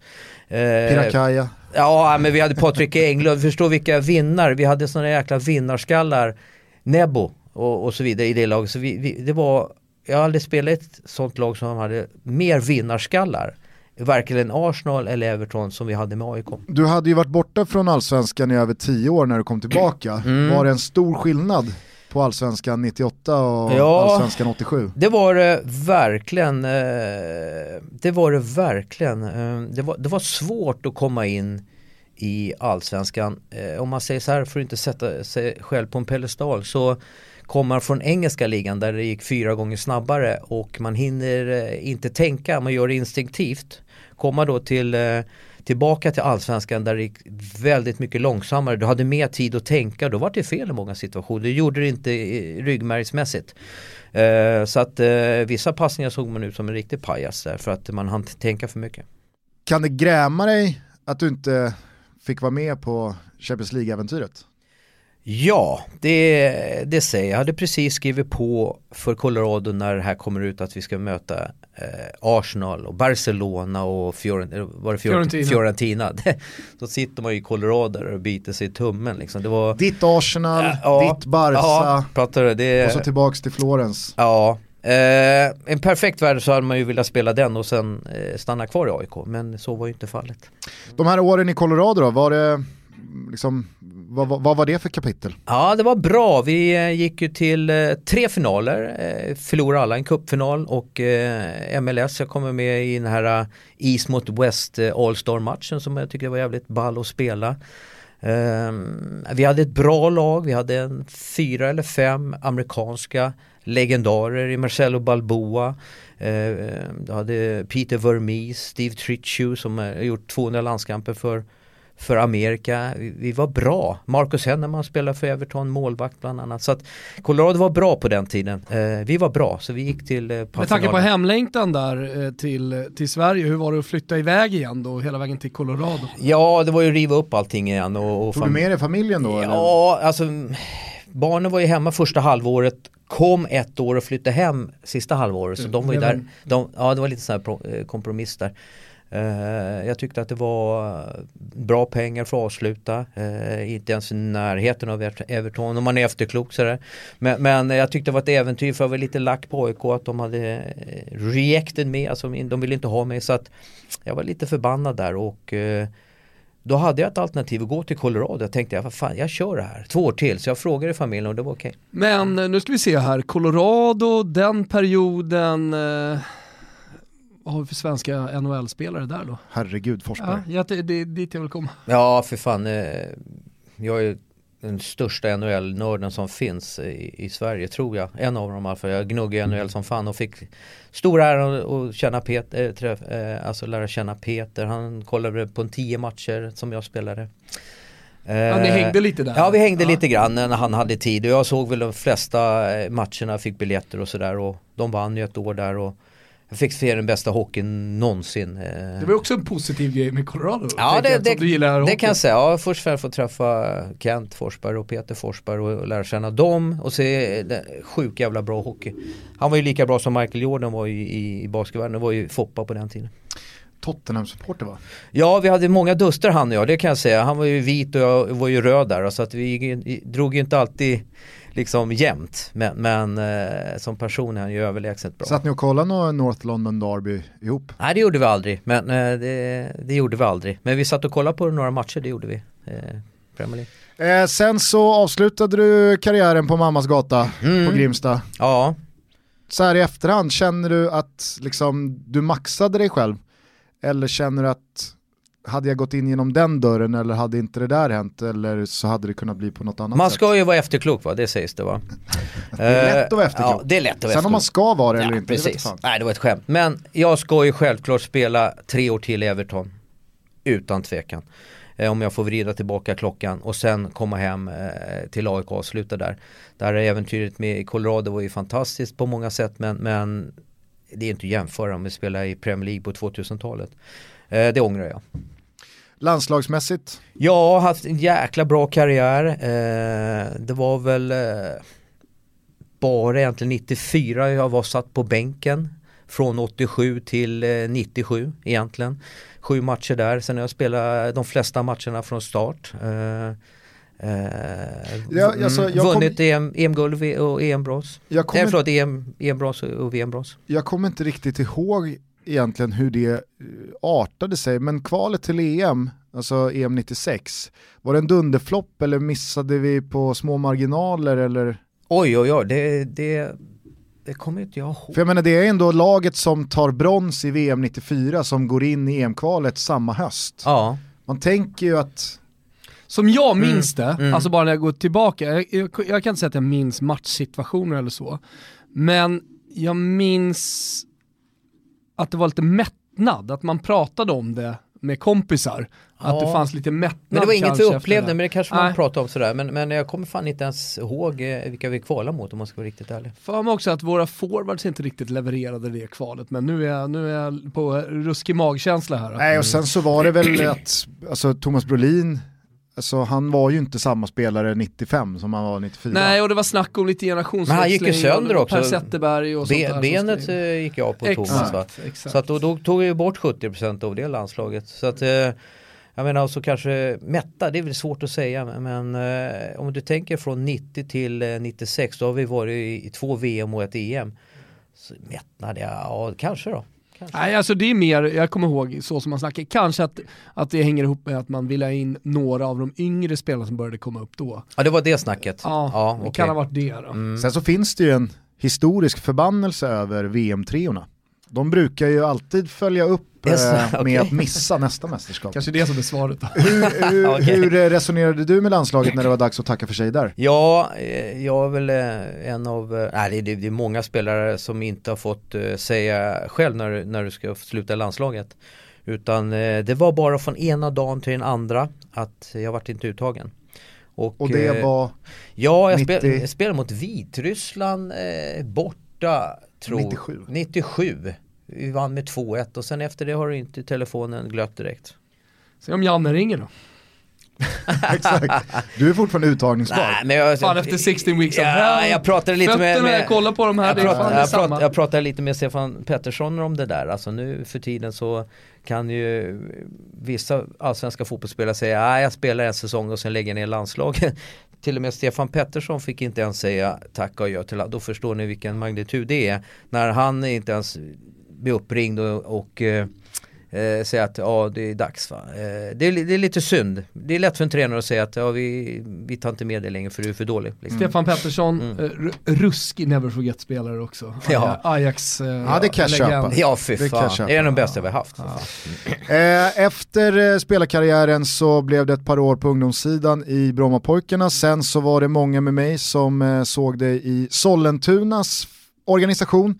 Ett par år i tvåan, division 1. Men nu har du släppt fotbollen. Jag har släppt eh, fotbollen, varit lite mätt där efter 50 år. Det var ju fyra år sedan jag, jag, jag slutade med fotboll. Eh, jag, jag brann inte längre. Eh, jag tittade inte på talangerna, hur de utvecklades som jag brinner för. Utan det var bara eh, vinner vi? Ja, jag har en, en, en eh, jag kommer ihåg när vi vann med 2-1 på Sollentunavallen och en spelare kommer fram och, och liksom ville reflektera med hur han spelade. Ingen jävla aning hur han spelade, jag ville bara vinna matchen.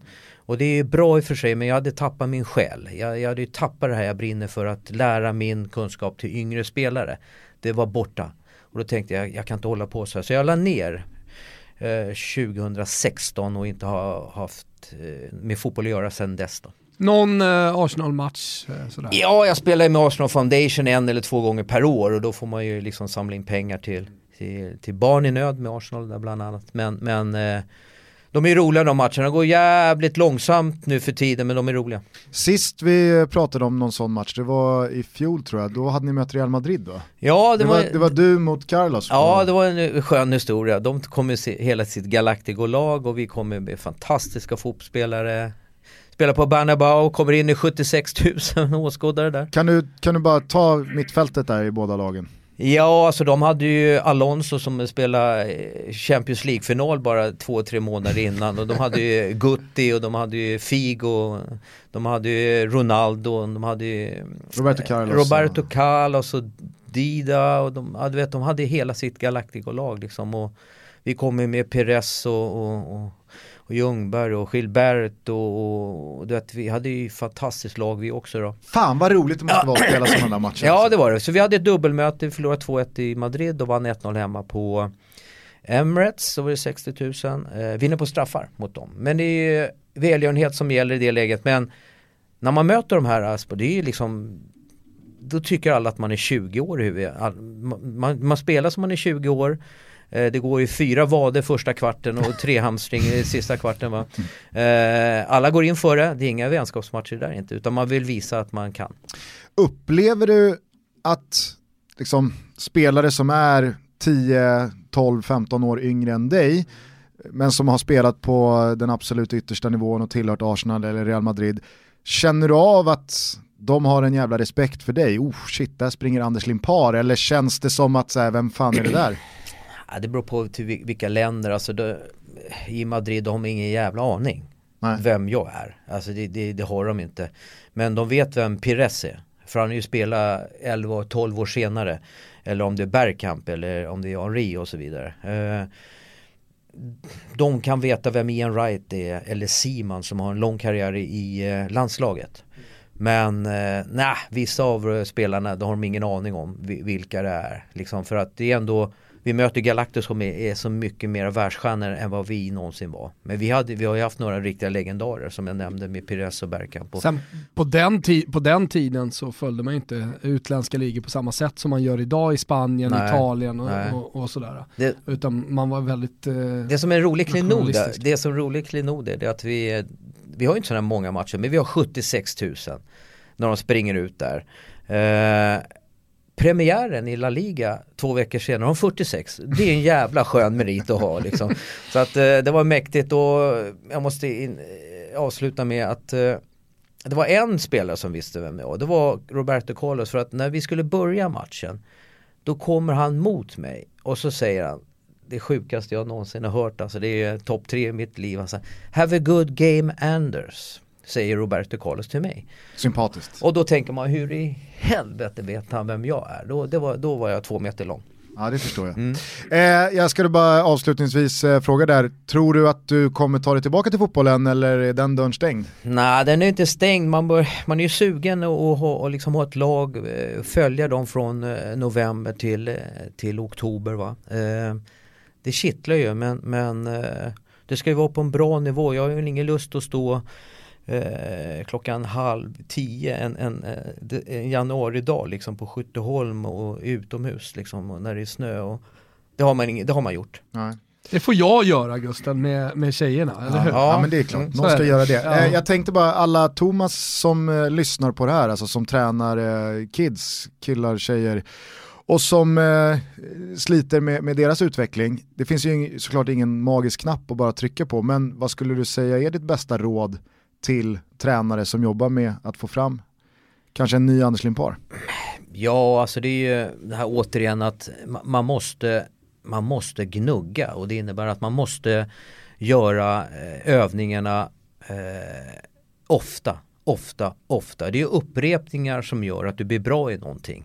Det är alltså upprepningar, upprepningar, upprepningar, träna på, på saker och ting så att det blir en naturlig rörelse. Det är ju det då. Och sen det här liksom patetiska som man alltid säger, men det måste vara med glädje. Du måste göra någonting som eh, du tycker är roligt. För har du roligt och upprepningar då sitter det i ryggmärgen till slut. Så att upprepningar och glädje det är, det är A och O för, för alla idrotter.